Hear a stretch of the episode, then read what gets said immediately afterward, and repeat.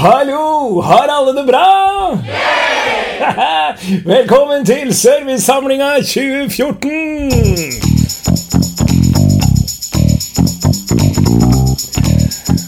Eller velkommen til Service level 4. Service level 4 handler primært om for deg som ønsker å ta service videre, og ikke bare yte fantastisk service, nå salg, nå måloppnåelser, men også faktisk gjøre service til en karriere. Og da tenker jeg at da denne service level 4 er jo for deg som kjenner på at yes, jeg har lyst til å ta grep. Jeg har lyst til å gå fra hva skal vi si, responsiv og reaktiv til proaktiv. Og hva mener jeg med det? Responsiv og reaktiv høres jo ikke spesielt positivt ut, men for meg så handler jo det om at du er der for kundene, for menneskene rundt deg, når de trenger deg. De vil si at de kommer inn i butikken, de ringer, kanskje de kommer opp til deg, bestiller noe, med andre ord, men det er disse menneskene som kommer til deg og har et behov. Og som servicetilbydere så ønsker vi å dekke det behovet best mulig. Men jeg tenker jo at når du ønsker å ta dette et skritt videre, når du ønsker å gjøre dette her til mer enn bare hva skal vi si, 9 til 4, når du ønsker å bygge en karriere, når du ønsker å hva skal vi si, komme deg enda videre innenfor service enn nødvendigvis bare hvert enkelt, eh, hva skal vi si, hvert enkelt møte, så har jeg laget Service level 4, og jeg kommer til å snakke om det å da være proaktiv. Med andre ord det å begynne å definere arenaer. Det å begynne å tenke hm, hvordan kan vi ikke nødvendigvis bare se på service som noe vi driver med innenfor det som kalles en walled garden, altså en slags hage med et gjerde rundt, men begynner å tenke hvordan kan vi fjerne det gjerdet? da? Hvordan kan vi være mye mer ut? Hvordan kan vi skape nye muligheter og nye arenaer gjennom faktisk det å bjuda på service? Så det er service level 4. Jeg har også lyst til å si til deg at eh, hvis du kommer rett inn i service level 4 uten å ha hørt verken introduksjonen eller service level 1 til 3, så har jeg veldig lyst til å be deg om å gjøre det først. Fordi service level 4 i veldig stor grad bygger på eh, et resonnement og en retorikk som allerede da er skapt i de episodene. Men med det sagt, veldig hyggelig at du hører på, og som de andre episodene, så håper jo jeg at det du tar med deg fra denne episoden, ikke nødvendigvis er hva jeg sier, men hva du tenker. Så med det sagt, jeg er eh, hva skal vi si, litt tilhenger til klisjeen som sier, heter 'do lunch or be lunch'. Og det handler jo egentlig om at hvis du virkelig skal skape gode serviceopplevelser, så kan du ikke bare sitte i lokalet eller på telefonen eller hvor det måtte være, og vente på at ting skal skje. Vi er nødt til å gå ut der så har vi lyst til å skape de arenaene vi selv ønsker oss. Og Derfor så har jeg litt sånn innledningsvis også lyst til å be deg da, om å tenke hvilke arenaer har du vært på i det siste hvor du tenker at det her var bra? Dette var annerledes. Har du vært på en konferanse? Har du eh, holdt jeg på å si, blitt tilbudt service på et område hvor du hadde tenkt at Hæ? Her? Ja, det var kult.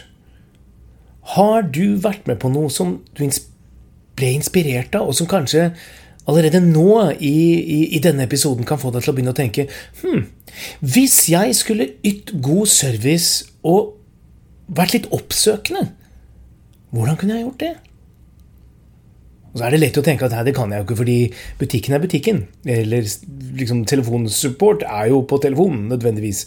Men hvis vi skulle skapt en arena hvor vi kunne bidratt enda mer, invitert relasjonene og kundene våre til å være med på en opplevelse som gjør relasjonen enda sterkere, hva skulle det vært? Hvor kunne det ha vært? Og så er det også viktig for meg å si at den invitasjonen jeg gir deg nå, den har ikke hele verden som målgruppe. For det er jo noe som heter at hvis du vil være alt for alle, så blir du ingenting for noen. Og eh, hvis også du husker det jeg snakket om i Service Level 2, så har jo veldig ofte også relasjoner et navn.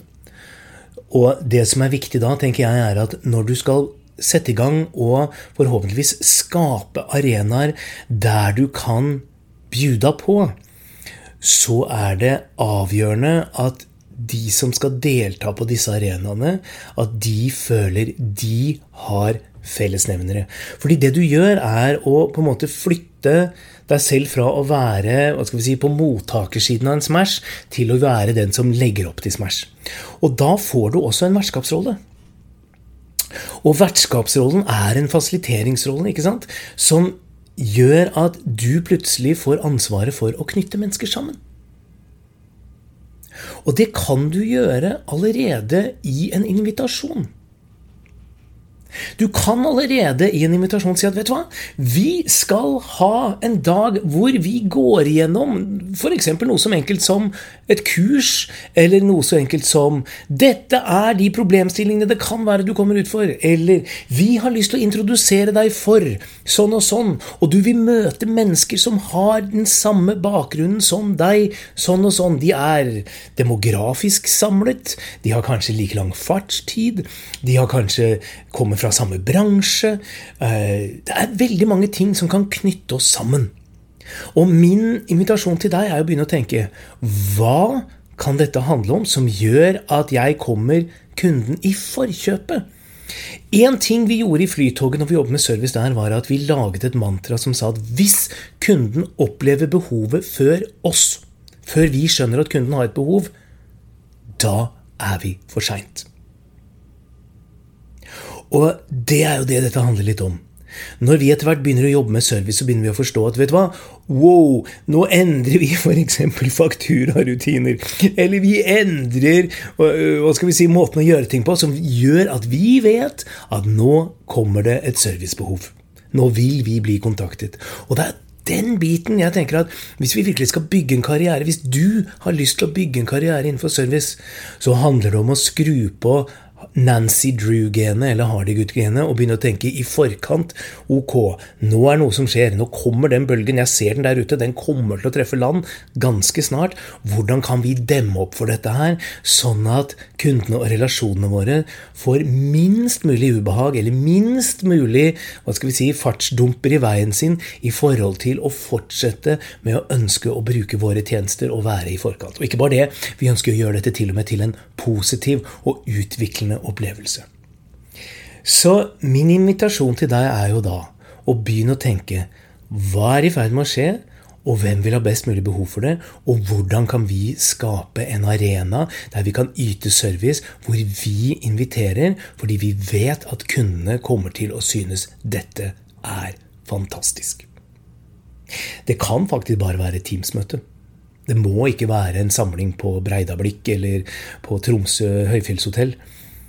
Det kan være noe så enkelt som at du inviterer til et treff der folk får møte hverandre, og vi får hatt en samtale. Og, det, og du kan si, På det enkleste enkle så er det rett og slett bare du som inviterer kunden til en dialog.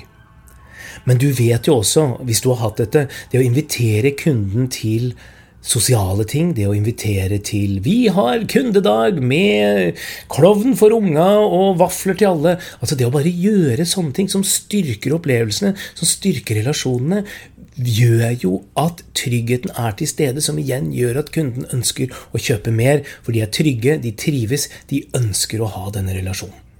Og da igjen så tenker jeg, hva kan du som profesjonell kundeveileder, som profesjonell serviceperson, tenke her kan jeg være i forkant.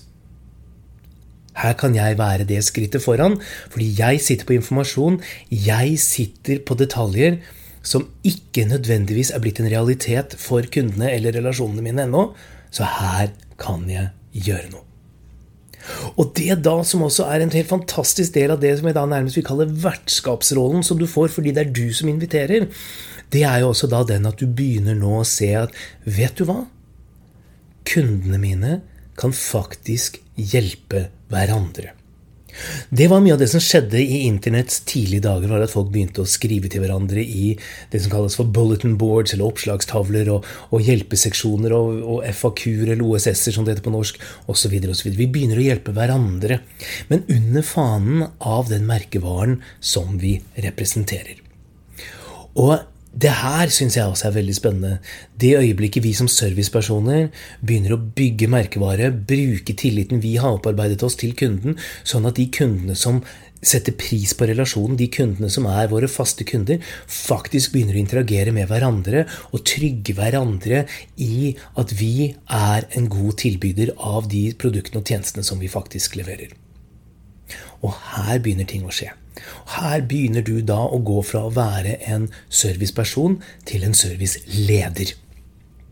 Og det er her jeg tror du bygger karriere. Det øyeblikket du identifiserer disse mulighetene, du inviterer til meningsutvekslinger, samtaler og hjelp i fora der vi klarer å gjøre flere mennesker involvert, klare å hjelpe flere mennesker samtidig, på en måte der vi bygger nye relasjoner, introduserer mennesker til hverandre og virkelig skaper hva skal vi si, samhandlinger som er større enn det vi klarer å stå for selv. Det er da vi er i ferd med å gjøre dette til en karriere. Og det jeg tenker at det er lov, det er jo da å begynne å tenke på hvilke andre selskaper kan vi eventuelt involvere? Er det andre partnere vi kan trekke inn? Hvis du noensinne har vært på f.eks. medlemstreff eller kjedetreff, hvis du jobber for, for en stor kjede, så vet du veldig ofte at leverandørene også ofte får innpass hit.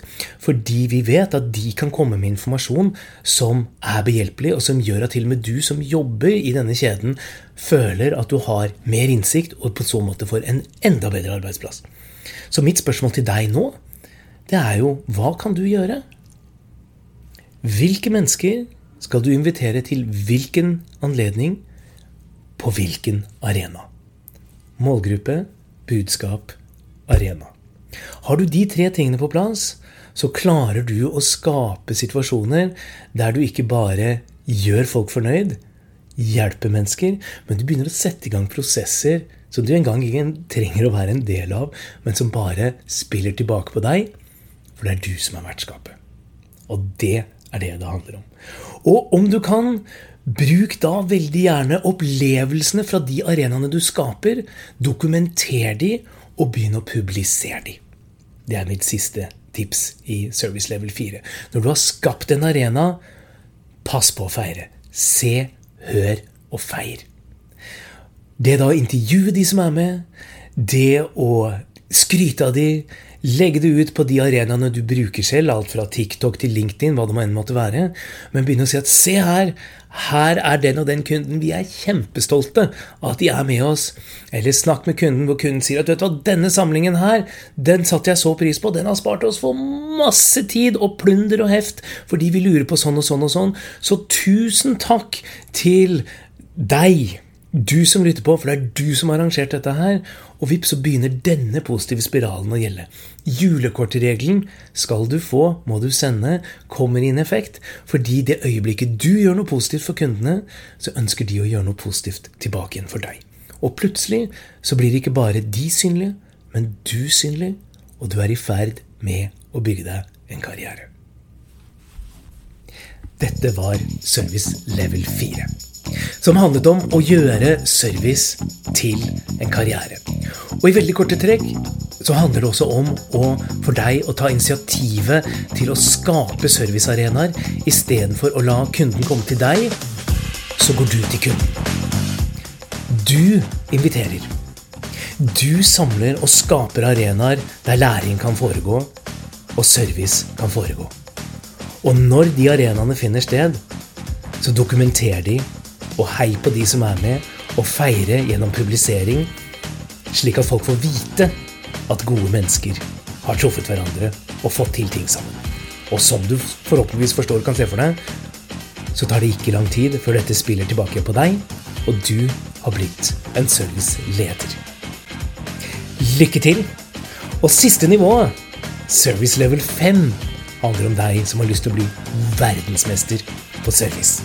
Og det er en spennende episode. Takk for at du hører på.